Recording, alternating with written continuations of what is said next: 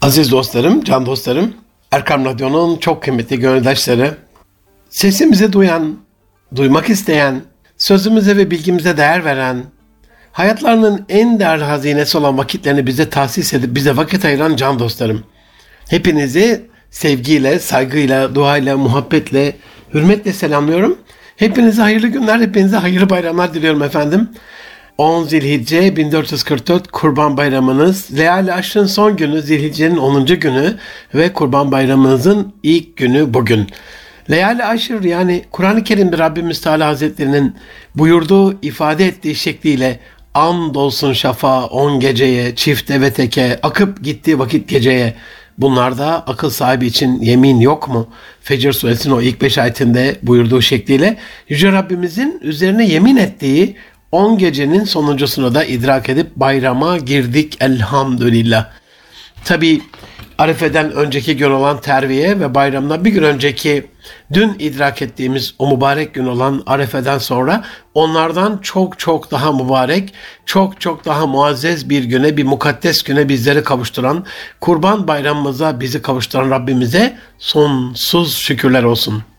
Bu mübarek vakitler ve idrak ettiğimiz şu mukaddes kurban bayramı vesilesiyle sadece ve sadece onun rızası için kesilen kurbanlar hürmetine milyonlarca din kardeşimizin hacı idrak ettiği şu mübarek vakitlerde Kabe'de yapılan tavaflar hürmetine, Safa ve Merve'de yapılan sahiler hürmetine, Arafat'ta yapılan vakfeler hürmetine, Mina'da kesilen kurbanlar hürmetine ve Mina'da taşlanan şeytanları hayatımızın her alanında taşlayıp yakınlarımızdan kovmamıza yardım edecek olan Rabbimizin lütfu ve keremi ve inayeti hürmetine, açtıkları o masum elleriyle mağfirun zümresine ilhak olan günahsız hacı kardeşlerimizin o masum duaları hürmetine Rabbimden ümmeti Muhammed'e yeniden izzetimizi lütfetmesini, bizi başta Filistin olmak üzere zelil hale düştüğümüz tüm coğrafyalarda yeniden izzetimize kavuşturmasını niyaz ederim aziz dostlarım.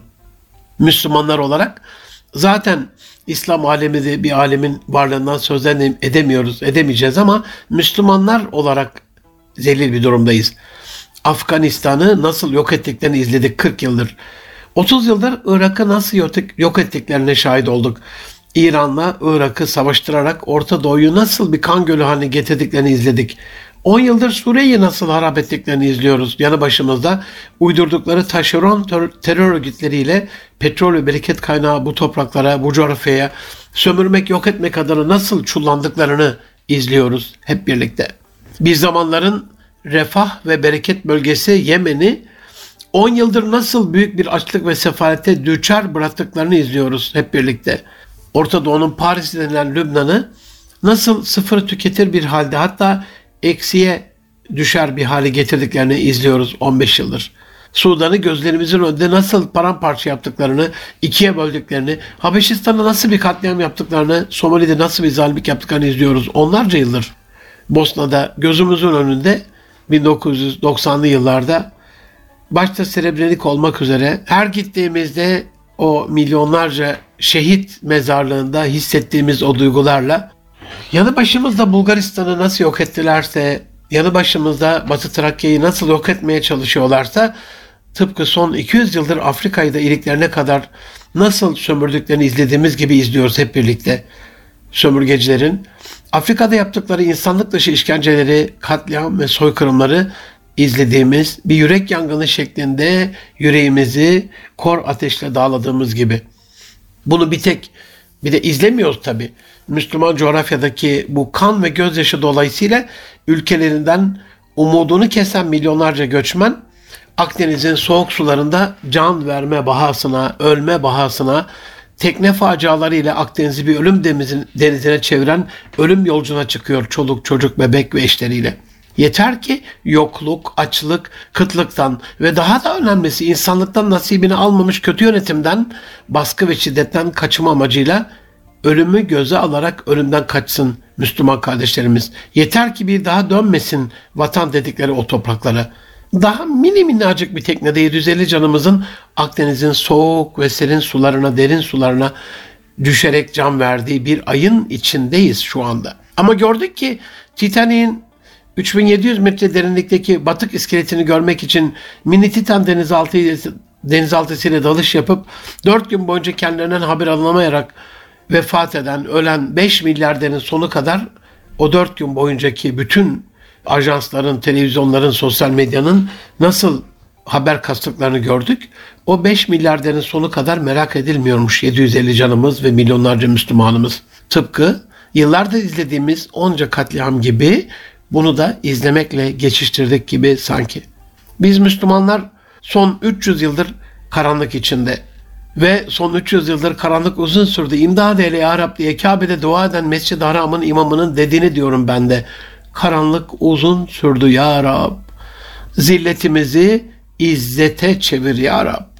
Zulüm altında inim inim inleyen masumlar hürmetine, onları yanık dualarının hürmetine, idrak ettiğimiz şu bayram hürmetine bize de izzetimizi yeniden tevdi eyleyerek bize de bayramlar, hakiki bayramlar yaşat ya Rab.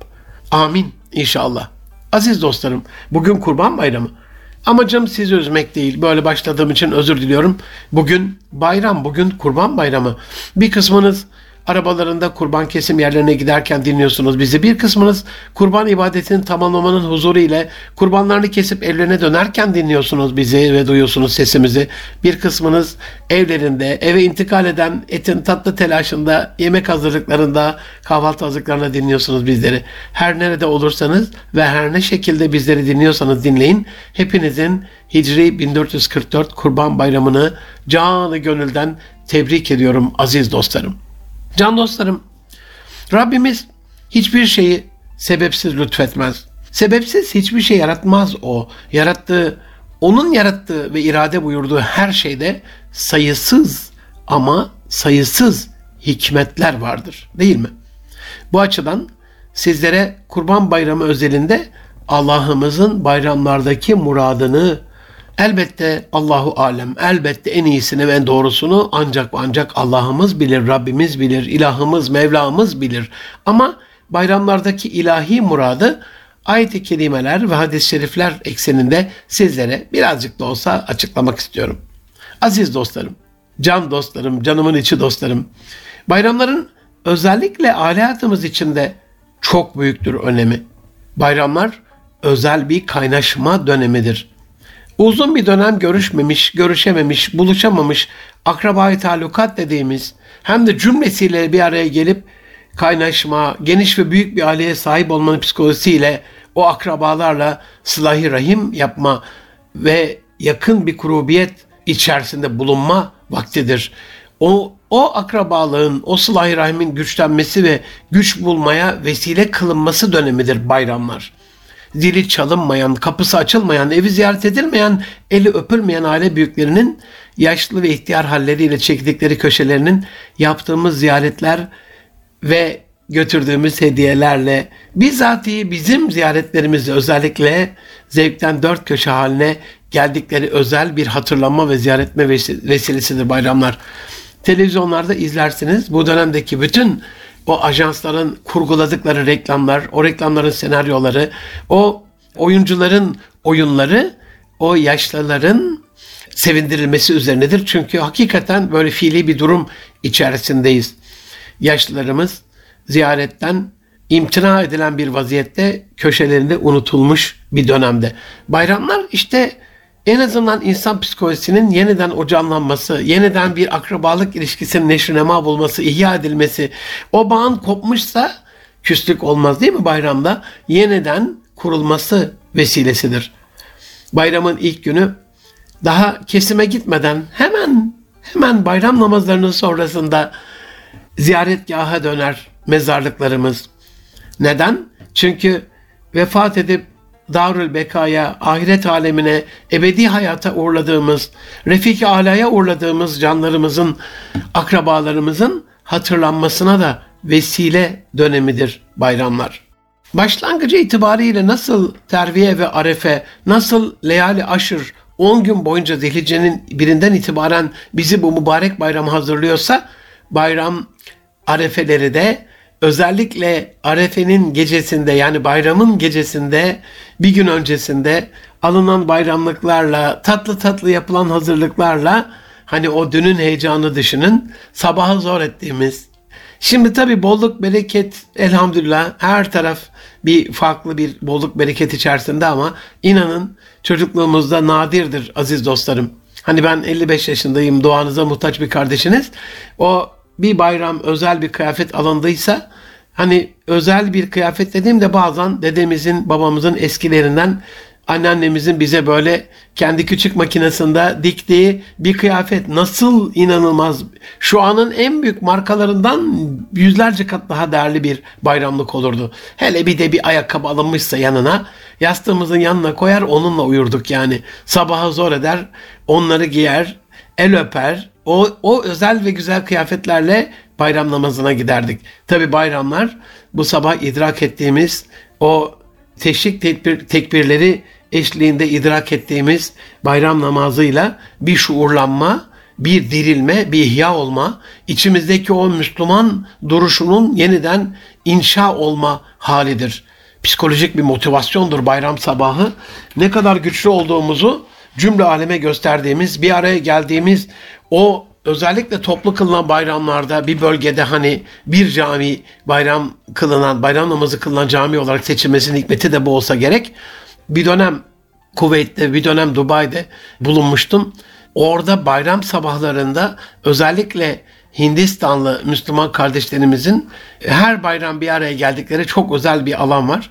Orada bir güç gösterisi olduğunu anlıyorsunuz. Yani diasporadasınız, göçmensiniz, azınlıktasınız. Azımsanmayacak bir güç haline geldiğinizi en azından o bayram vesilesiyle gösterdiğiniz bir hani gösteriş dediğim riya olarak bunu kabul etmeyin ama biz buradayız, biz buyuz, biz güçlüyüz e, imajı ya da biz ne kadar güçlüymüşüz ya imajını kendi kendilerine hissettir, hissettirmeleri adına bayram namazlarının zaten hani bir bölgede e, büyük bir camide toplu kılınmasının herhalde hikmeti de bu olsa gerek.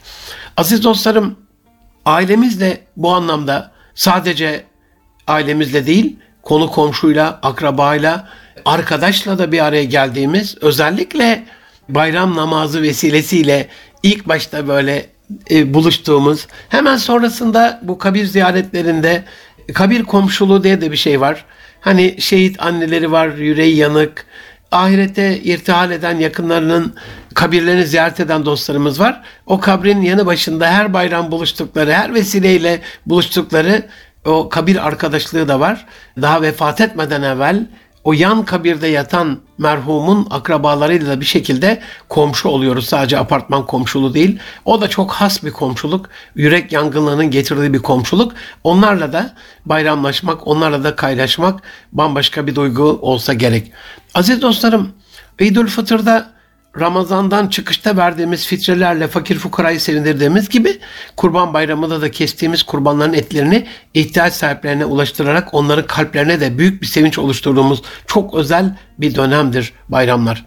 Sadece ihtiyaç sahibinin değil, Hani üçte biri kendimiz içinse kalan üçte ikisini dağıtıyoruz. Isım akrabaya dağıtıyoruz, eş dosta dağıtıyoruz, akrabaya talukata dağıtıyoruz, komşu, konu komşulara dağıtıyoruz. İhtiyaç sahiplerine özellikle hasreten ayırıp haklarını dağıtıyoruz.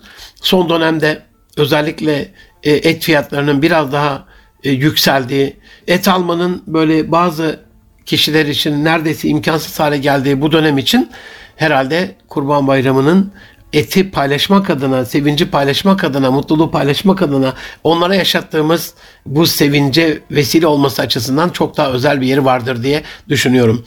Can dostlarım, son yıllarda Kurban Bayramı'ndaki kurban kesim vecibemize karşı çıkan içimizdeki hainler demeyeceğim ama zavallılar ve cahiller içlerindeki şeytani hislerle bizi kurban kesmemizden men etmeye çalışan gafiller hem içimizde hem de küresel çevrelerde çok büyük, gerçekten büyük bir lobi faaliyetinin içerisindeler.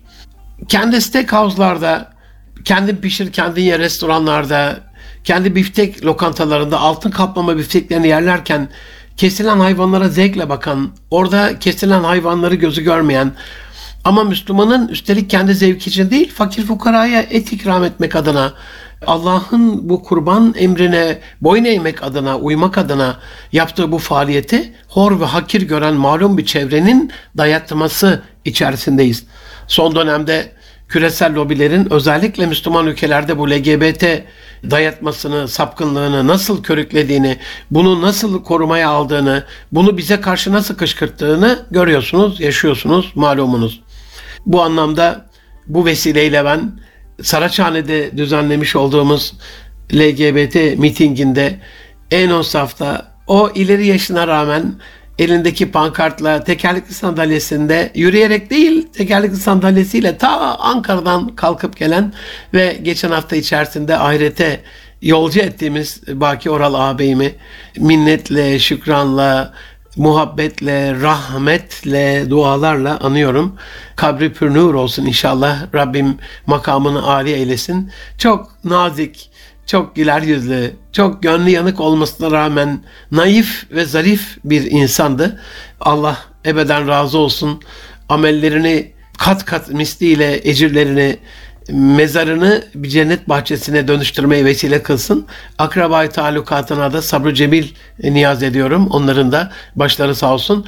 İşte o mitingde de gördüğümüz şekliyle küresel lobilerin, çetelerin sapkınlığı bize dayatma çabasının içerisinde bir bayram idrak ediyoruz. Büyük baş ve küçük baş hayvanları küresel ısınmanın sebebi olarak görüp dünya üzerinden nasıl toplu bir şekilde katliamlar yaparak yok ederiz gündemini, ana gündemleri yapan bir başka güruh da bu sapkınların içerisine kurban kestirmeyiz diye bağıran vavela eden güruha katıldı son dönem. Dünyaları israf üzerine kurulu bu güruha katılan son vagonda vegan beslenme kılıfı ile kurban kesmeyin diyen zavallılar oldu. Neymiş? Kurbanın canı yanıyormuş. Cana değer vermeliymiş. Ver, verilmeliymiş. Sanki sanırsınız taşıyorlar bu veganlar. Kestikleri sebze meyvelerin kesilen bir koyundan farkı ne ola ki? Onların canı yok mu? Allah bütün yiyecekleri insan için yaratmış, bütün nebatatı, bütün hayvanatı bunu anlamayan, dünyanın manasını idrak etmeyen zavallılar elbette beslenmemiz onların vesilesi olacak. Bundan daha basit ne olabilir yani? Elbette helalinden ve temizinden yiyeceğiz. Ama mezbahanelerde bizim yılda bir kez kestiğimiz kurban miktarının tonaj olarak 1 milyon katını kesen zavallılar kurban katliamdır diye yaygara kopartıyorlar. Tıpkı ezana, namaza, hacca, başörtüsüne karşı oldukları gibi dinin bütün rükünlerine karşılar. Amaçlarını bildiğimiz ve fitnelerinin kaynağı malum olduğumuz, malumumuz olduğu üzere Rabbimden bu sapkınlıklarını durduracak bir izzet ve gücü bize tevdi etmesi, niyaz etmekten başka bir çaremiz yok aziz dostlarım. Çünkü bunlar sadece güçten anlar. Güce itaat eder ve güçten korkar. Güçlü duruma geldiklerinde onlar dünyayı ne hale getirdiklerini, dünyaya ne işkenceler çektirdiklerini görüyoruz, duyuyoruz, yaşıyoruz, tarihten okuyoruz. Ama biz Türkiye olarak güçlü duruma geldikçe, Türkiye olarak güçlendikçe dünya mazlumlarının nasıl sevindiklerini, zalimlerin de sömürüye devam edemeyeceklerini anladıkları için bu güçlenmemizden nasıl korktuklarını ve üzüldüklerini ve bizden nasıl çekindiklerini görüyoruz ve buna şahit oluyoruz aziz dostlarım. Can dostlarım, Kurban Bayramı özellikle bedensel varlığımızı helal rızıkla, temiz ve tayyip ve tahir olan gıdalarla beslememiz gerektiğinin idraki açısından da bir mihenk taşıdır. Gıdalarımızın ana protein kaynakları olan etlerle ilgili bir bilinçlenme dönemidir Kurban Bayramı. Yılda bir kez bile olsa kesime helal olan kurbanlık hayvanları gündemimize alma dönemidir. Onların bakımıyla, ıslahıyla, verimliliğiyle ve bu işin sürdürülebilirliği ile ilgili bir tasamız olması gerektiğini bize hatırlatır. Kurbanla alakalı basında yer aldığı şekliyle ne tür antibiyotiklerin kullanıldığını, hayvanlara nasıl GDO'lu besinlerin yem olarak yedirildiğini, doğal bir şekilde beslenmekten nasıl men edildiğini, sadece verimlilikleri adına e, o bakımın nasıl suistimal edildiğini ehli namus olmayan bakıcılar nezdinde görüyoruz, duyuyoruz, buna şahit oluyoruz. Bu anlamda Müslümanın hani namaz kılmak değil mi? Nasıl bir ana vecibeden bir tanesi ise beş ana rükünden bir tanesi olarak kurban kesmek de var. Hacca gitmek de var. Ama kurban kesmek de var. Birazdan hac ve kurbanı zaten birlikte açıklayacağım. Dolayısıyla İslam'ın bu beş ana rüknünden bir tanesi olan kurban ibadetiyle alakalı bu ibadetin daha düzgün, daha dürüst, daha namuslu, daha sürdürülebilir kılınması, daha kaliteli kılınması ile alakalı bir vecibemiz olduğunu hatırlatır Kurban Bayramı. Aziz dostlarım ben 55 yaşında bir kardeşinizim. Hayatımın son 30-35 yılında özellikle Batı'nın bize dayattığı niye 30-35 diyeceksiniz? Hani ilk böyle Batı'da yavaş yavaş çıkmıştı. Müslümanlara karşı işte her yerde kurban kesilmez. O zamanlar düşünsenize biz evde, kırda, bayırda, yol kenarında, deniz kenarında aklımıza neresi gelirse kurbanı yatırıp Bismillah Allahu Ekber ya Allah kesiyorduk yani. İlk gittiğimde Almanya'ya, Belçika'ya, Hollanda'ya işte oradaki Müslüman kardeşlerimizden Almanca dediğimiz e, gurbette yaşayan kardeşlerimizden yavaş yavaş duymaya başladığımız bir dönemdi. 35-40 yıl önceki. Belki daha evveliyatı var ama benim için öyleydi. Ya nasıl dedik yani nasıl bize istediğimiz yerde kurban kestirmez? Bizim bahçemiz değil mi arkadaş? Burası bizim sokağımız, bizim yolumuz değil mi? İstediğimiz yerde keseriz. O zamanki şeyle böyle ya ne demek bize nasıl karışırlar? Bizim kurban kesmemize nasıl karışırlar? Ama elhamdülillah bu geçen 35-40 yıllık bir dönemde en azından Müslümanın da e, o batıdaki insanların kaygısı olduğu kadar e, o kadar olmasa bile bir kaygısı oluşmaya başladı. Artık belediyelerimiz de buna biraz el attı. Hükümetimiz de buna, devletimiz de buna biraz el attı. Tam layıkıyla olmasa bile hani bu işin nezih bir şekilde yapılmasıyla alakalı en azından batıdaki kadar olmasa bile neden olmasa bile diyorum. İşte ben son bir 35-40 yıldan beri batının e, yılbaşında hindi kesmesini araştırıyorum. Gittiğim yerlerde araştırıyorum, fotoğraf çekiyorum, röportaj yapıyorum. İnternet çıktıktan sonra 94'ten bu yana özellikle internetten araştırıyorum. Sizi temin ederim aziz dostlarım. Lütfen burayı çok önemli dinleyin, önem vererek dinleyin. Ne olursunuz 10 saniyeliğine bir iş yapıyorsanız bırakın. Hani arabayı sürüyorsanız onu bırakacak haliniz yok ama aman dikkat. Bayram vesilesiyle yolda olan bütün sürücülerimize de yol güvenliği lütfetsin Rabbim. Onlara dua ediyoruz. Aman dikkat diyoruz. Hiçbir şekilde onları hindilerini keserken ki bir resim verdikleri halde yakalayamadım. Göremedim. İnternete girin şu anda bir bakın. Hani Christmas Turkey diye geçer yılbaşı hindisi. Yılbaşı hindisi yapın. Google'a tercüme ettirin. Başka bir dilde araştırın. Hiç önemli değil. Hindiyi şöyle göreceksiniz. Amerikan Başkanı Beyaz Saray'ın önünde böyle bizim musallat taşı gibi bir taşın üzerinde iki tane bembeyaz hindiyi almış ve poz vermiş. Bütün Amerikan başkanları Beyaz Saray'ın önünde o musallat taşı gibi bir taşın üzerinde o çünkü onların da dini bir vecibesidir yılbaşında hindi kesmek. Ve e, onun sonrasında bir şükran günü e, özellikle e, yılbaşı olmasa bile kendi şükran günlerinde de böyle bir şey yaparlar. Bütün aileyi topladıkları o hindi ziyafetini, fırınlanmış hindi yedikleri bir ziyafeti onlarla yaparlar. Dolayısıyla birinci resmi öyle görürsünüz. Beyaz Saray'ın önünde iki bembeyaz pırıl pırıl hindi ve Amerikan başkanları tiril tiril bütün ekibiyle beraber poz verirler. Bunun bir gün öncesine ait bir resim vardır çok enteresan.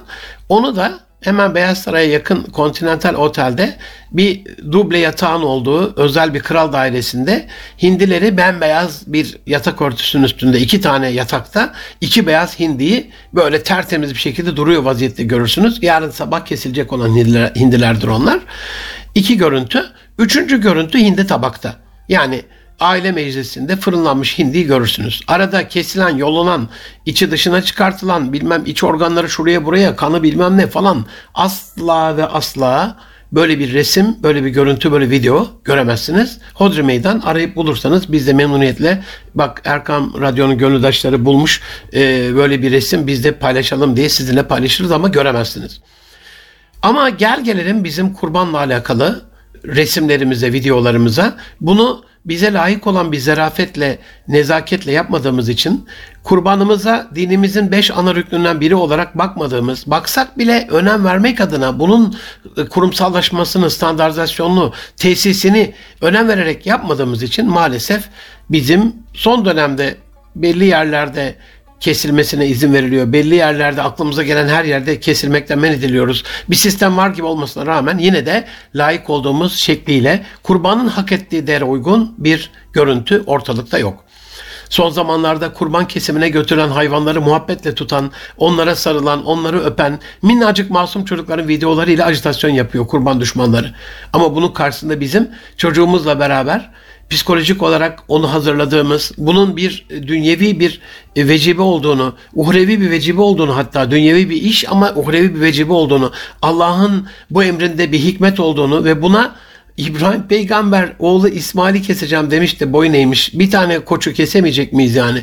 Aman işte çocuklar dumura uğrar. Aman psikolojileri bozulur, bozulur. Aman onlar travma yaşar falan diye bu malum anti kurban çetesi bu tür videoları gündeme getiriyor sosyal medya üzerinden.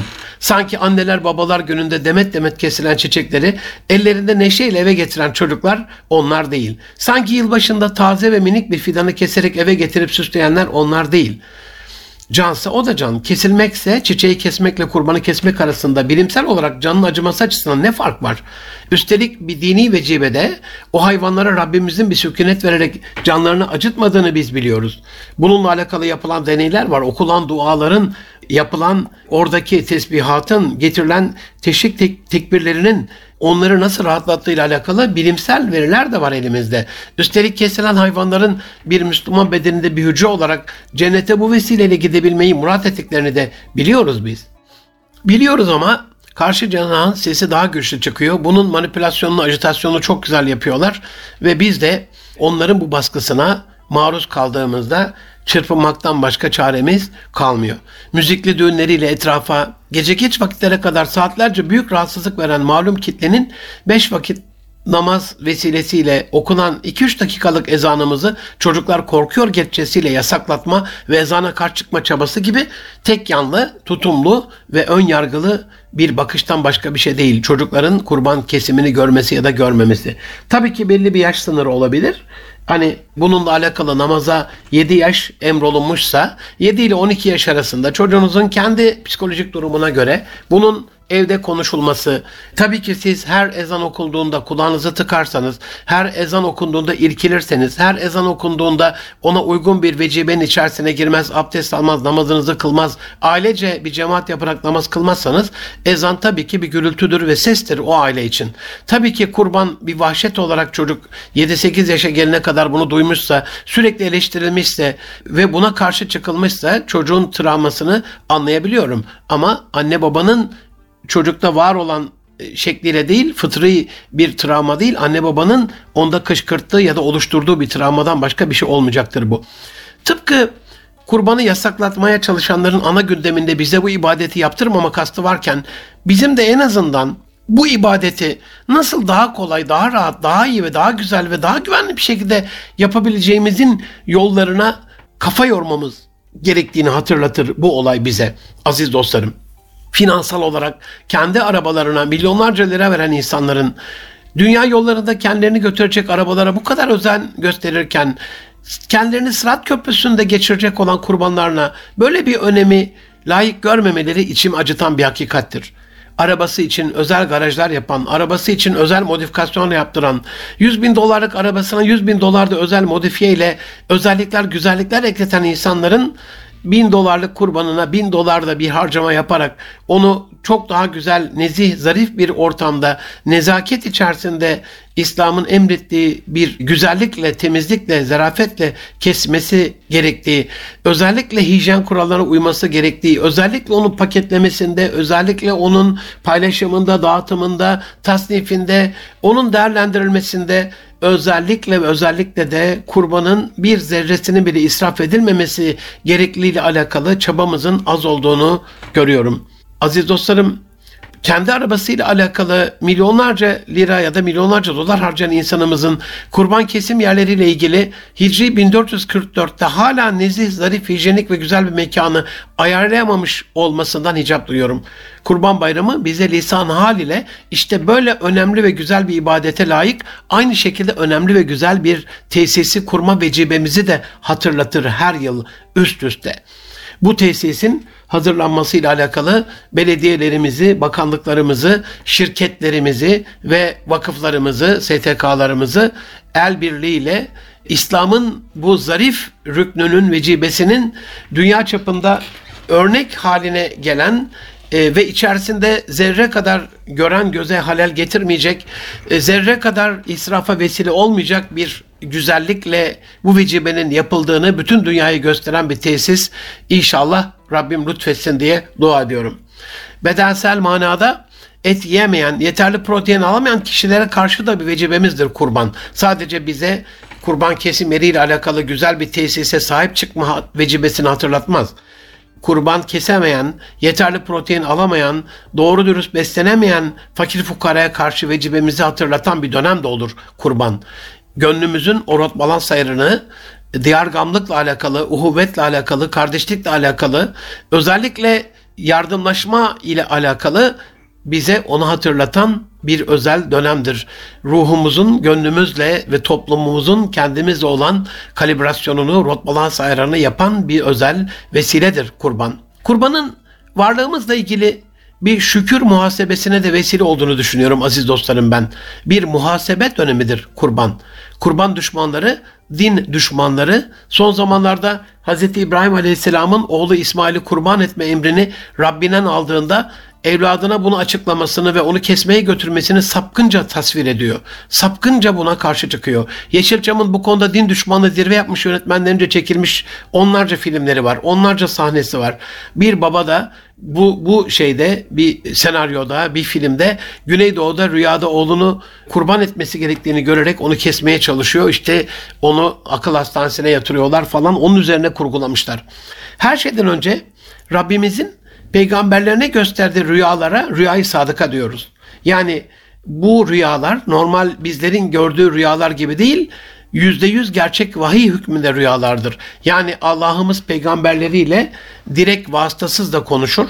Miraç'ta Resulullah Efendimiz sallallahu aleyhi ve sellemle konuştuğu gibi Tur Dağı'nda vesileli bir şekilde Hz. Musa aleyhisselamla konuştuğu gibi konuşabilir. Bir ağaç vesilesiyle ya da Cibril Emin vesilesiyle ya da kalbe ilham ederek ama rüya yönüyle de rüya vesilesiyle de konuşur. Allah'ımızın bu anlamda peygamberlerinin rüyaları Allah'ımızın peygamberleriyle direkt konuşması hükmendedir. Gerçi Allah'a ve peygambere inanmayan kişilere bu rüyayı sadıkayı nasıl anlatırsınız orası da bir muamma ama ben yine de konuyla alakalı kısa bir bilgilendirme yapmak istiyorum. Dolayısıyla Hz. İbrahim peygamberin rüyası bir peygamber rüyası olarak amel etmesi zorunlu bir vahiy hükmündedir. Ve Rabbimiz bu rüyayı onu denemek için göstermiş. İbrahim Aleyhisselam'daki ve minicik oğlu İsmail Aleyhisselam'daki Rablerine olan teslimiyetlerini çağlar boyu onlardan sonrakilere göstermeyi murad etmiştir. Yani Rabbimizin Hazreti İbrahim Aleyhisselam'a oğlunu benim için kurban et emri ve rüyası vesilesiyle bunu tekrarlaması oğlu Hazreti İbrahim Aleyhisselam'ın İsmail Aleyhisselam'ı kurban etmesi için değil, onlardaki teslimiyeti açığa çıkartması içindir. Ana kurgu bunun içindir. Dolayısıyla biz işte rüya gördük, evladımızı keselim, işte rüya göstermiş, nasıl o evladını kes falan değil. Çünkü oradaki murat o değil. Çünkü Allah tasarladığı işin sonucunu nasıl olacağını da biliyor. Dolayısıyla orada kesme ile alakalı bir şey yok. Kesmeye olan teslimiyet var. Bunu olayın sonucunda da anlıyoruz zaten. Kesme denemesi sonuçsuz kalıyor. Malumunuz taşı parçalayan bıçak İsmail'i kesmiyor. Ve Cibril Emin gökten bir koçla iniyor ve bunu Rabbin için kes diye buyuruyor ve kurban kesme vecibemiz böyle başlıyor. Onun için bunu çarpıtan sapkınların, bunu manipüle eden, bunun ajitasyonunu yapan zavallı güruhun baskısı altında kalmayalım. Biz de bunu çok dürüst bir şekilde açıklayalım. Yani bazı sapkın kesimlerin olayı manipüle etmesi bu anlamda anlamsız. Can dostlarım sadece İbrahim Aleyhisselam'a has özel bir imtihandı bu ve onlar bunu başardı ve başarıyla geçti ve bir daha asla tekrarlanmayacak bir olay olarak bu bitirildi. Hani Rabbim bunu hep böyle murad etseydi her peygamberde bunu söylerdi. Peygamber Efendimiz sallallahu aleyhi ve sellem'de de söylerdi. Hatta biz de bunu yapmakla emrolunurduk. Allah muhafaza. Ama Rabbin muradı burada bir evlat kesimi falan değil. Evladını kes emrine e, muhatap olan insanlardaki o teslimiyeti bütün insanlara göstermek ve sanki ey kullarım bakın İbrahim'e, bakın İsmail'e, bakın Hazreti Hacer'e onların teslimiyeti ne kadar güzeldi diye bir onları bir e, numune olarak, usve-i hasene olarak bizlere göstermesi üzerine kuruludur. Zaten bunun ne kadar önemli bir örnek olduğunu ve hatırlamamız gerektiğini her tahiyyatta okuduğumuzda Hz. İbrahim Aleyhisselam'ı alini nasıl andığımızdan anlayabiliriz. Bu olayın sonucunda da Rabbimiz tarafından gönderilen bir koçun kesilmesiyle buradaki asıl muradın ne olduğu da böylelikle ortaya çıkmış oluyor. Bunu farklı yönlere çekmek anlamsız. Ama bu olayı kendi nefis muhasebemizde nefsi muhasebemizde bize evladımızı değil bir kurbanlık hayvanı kesmemizi emreden Rabbimize her kurban bayramında ya aksi bir emir olsaydı ne olurdu halin muhasebesini yapmaya bir vesile kılmamız gerekir. Ve elbette ki bu anlamda her kurban yeniden bizim bir kurban kesmemizin kesmemizle sonuçlanan bir olaya dönüşmesi itibarıyla bir ailece şükür vesilesi haline gelmelidir. Kurban bayramı sadece kurban kesim üzerine tefekkür edecek bir bayram değil aziz dostlarım. Zilhicce kurban ayı olduğu kadar zilhicce hac ayıdır da. Aslında asıl ibadet hacdır. Kurban hacdaki rükünlerden birisidir. Elbette İslam'ın beş temel şartından birisidir kurban ama zilhicce bir hac ayıdır. Hacca gidemeyen ama maddi durumları kurban kesecek kadar iyi olanların da kendi memleketlerinde, kendi evlerinde, kendi bölgelerinde kestikleri bir kurban ibadetidir bu. İsmet Özel'in dediği gibi bir el ne der putu var ya öyle diyor ya sizleri tenzih ederim ama toplumumuzda hacca kurban kadar değer verilmediğini görmenin hüznünü de yaşıyorum ben. Bu vesileyle bunu da sizlerle paylaşmak isteyeyim. Kurban heyecanı el ne der putu dolayısıyla kesemeyecek olanlarda bile işte kredi kartıyla e, işte taksitle bu arada hani taksitle kurban olmaz mı? Faiz bulaşmıyorsa Diyanet'in bu konudaki Gençler Başkanlığımızın fetvası var. Taksitli bir satın alma anında size geçtiğine göre mülkiyeti o eşyanın mesela taksitle araba aldığınızda, taksitle ev aldığınızda, taksitle bir eşya aldığınızda kurbanda da bu böyledir ve e, kesme caiz olur diye yeter ki faiz ve başka şeyler bulaşmamış olsun.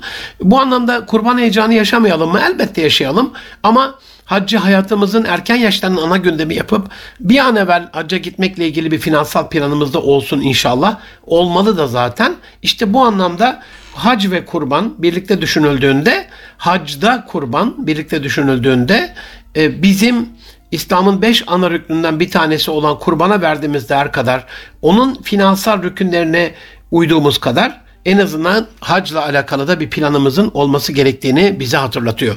Kurban özellikle eşi Hacer, Hacer validemizin minicik oğlu İsmail ile Kabe'nin olduğu yere getirip bırakan Hazreti İbrahim'in ilk teslimiyetini de anlama olayıdır.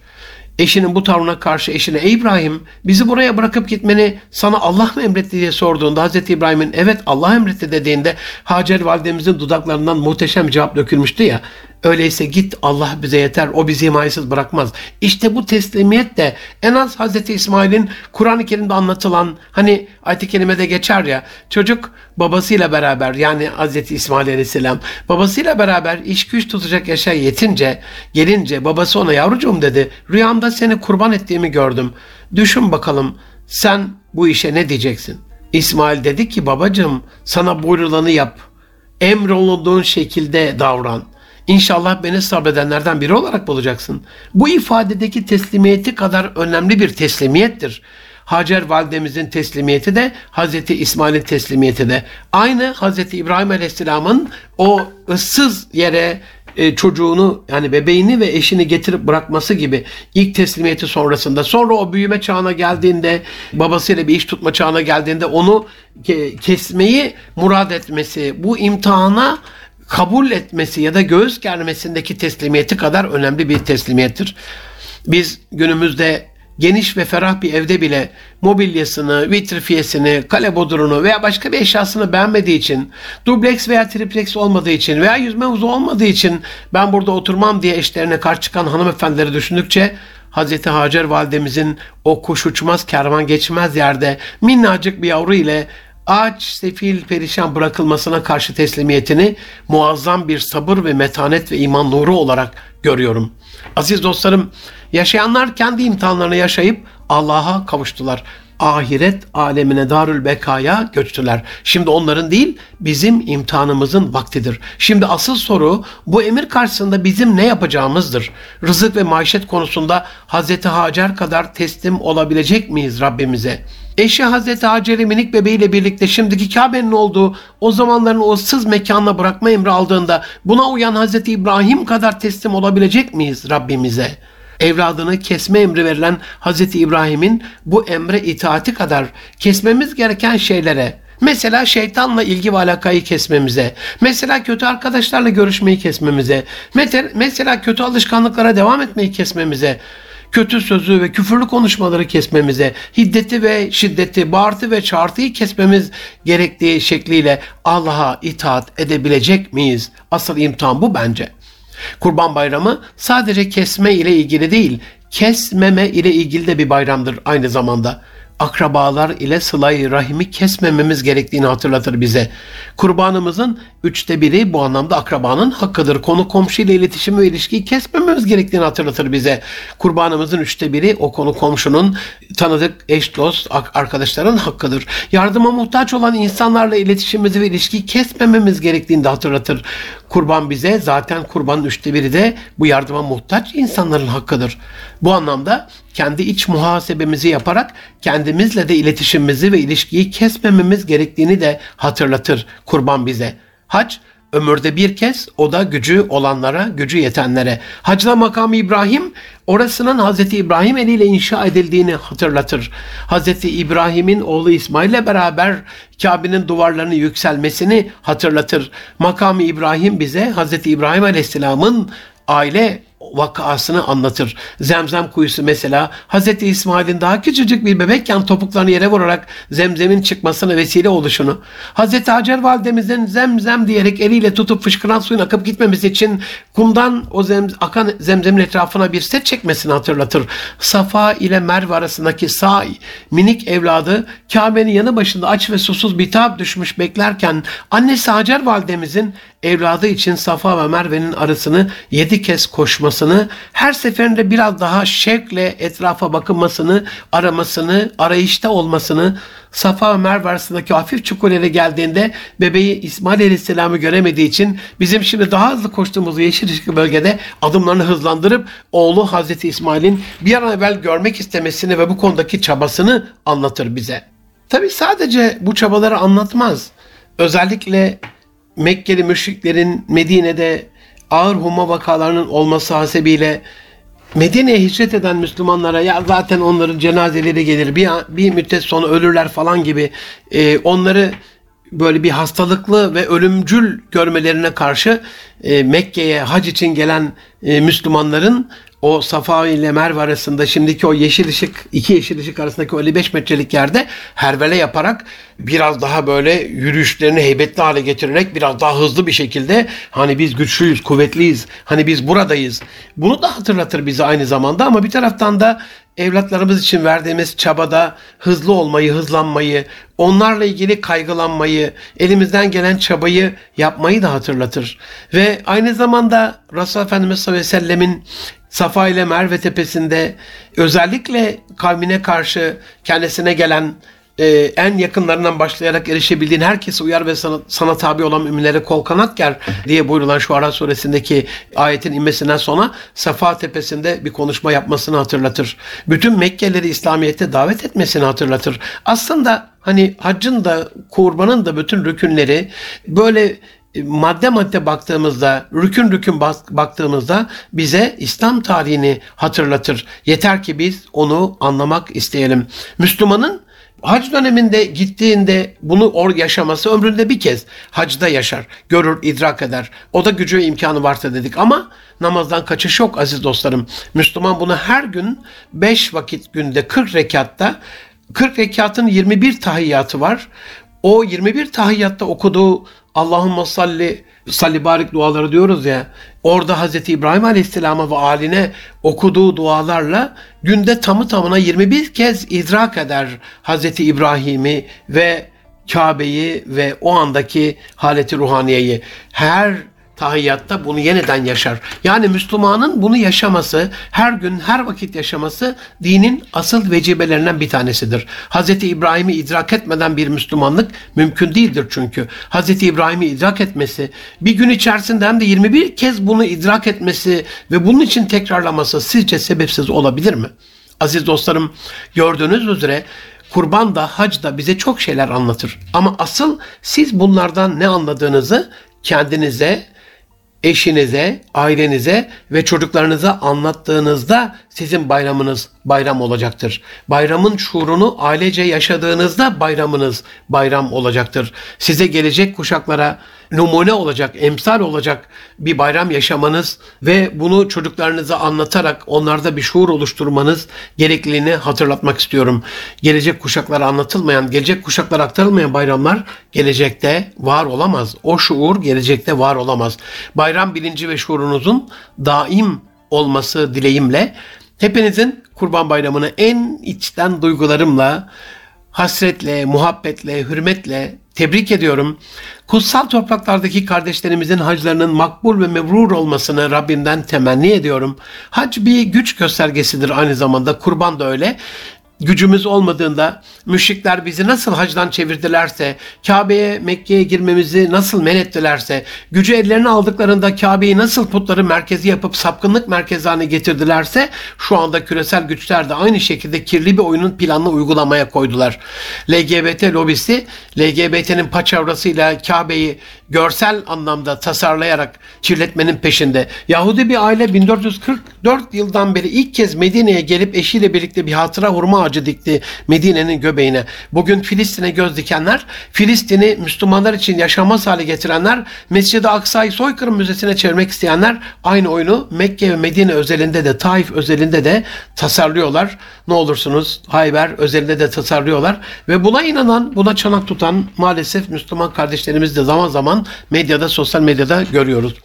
Tarih boyunca güç ve iktidar ellerine geçtiğinde kafirlerin, müşriklerin neler yaptıklarını tarih bize gösteriyor. O açıdan kurban ve hac ve dahi namaz Müslümanların bilinçlenmesinin, güçlenmesinin, şuurlanmasının bir vesilesidir can dostlarım. Yoksa Allah'ımızın bizim Kabe'nin etrafında tur atmamıza, Safa Merve arasında koşmamıza ya da kurbanlarımızın kanını akıtmamıza ihtiyacı yoktur. Bizim Allah'ımızın emrettiği ibadetlerin hakikatini anlama zorunluluğumuz ve sorumluluğumuz vardır. Allah'ımızın bizim yaptığımız ibadete ihtiyacı yoktur. Bu duygularla Hicri 1444 Dilhicce ayınızı, geçmiş olan leyali aşrınızı, terbiyenizi, arefenizi, kurban bayramınızı ve bundan sonra devam edecek ikinci, üçüncü, dördüncü günlerinizi, hacınızı, hac yapan dostlarım için ve kurban bayramımızı yeniden bu duygularla tebrik ediyorum. Hepinize şuurlu bir gelecek adına kurbanı vesile kılarak, hacı vesile kılarak bunu ailede bir gündem yapmamız gerektiğini hatırlatarak hepinizi Rabbi Celim'e emanet ediyorum. Allah'a emanet olunuz. Hoşça kalınız can dostlarım. Hayırlı bayramlar.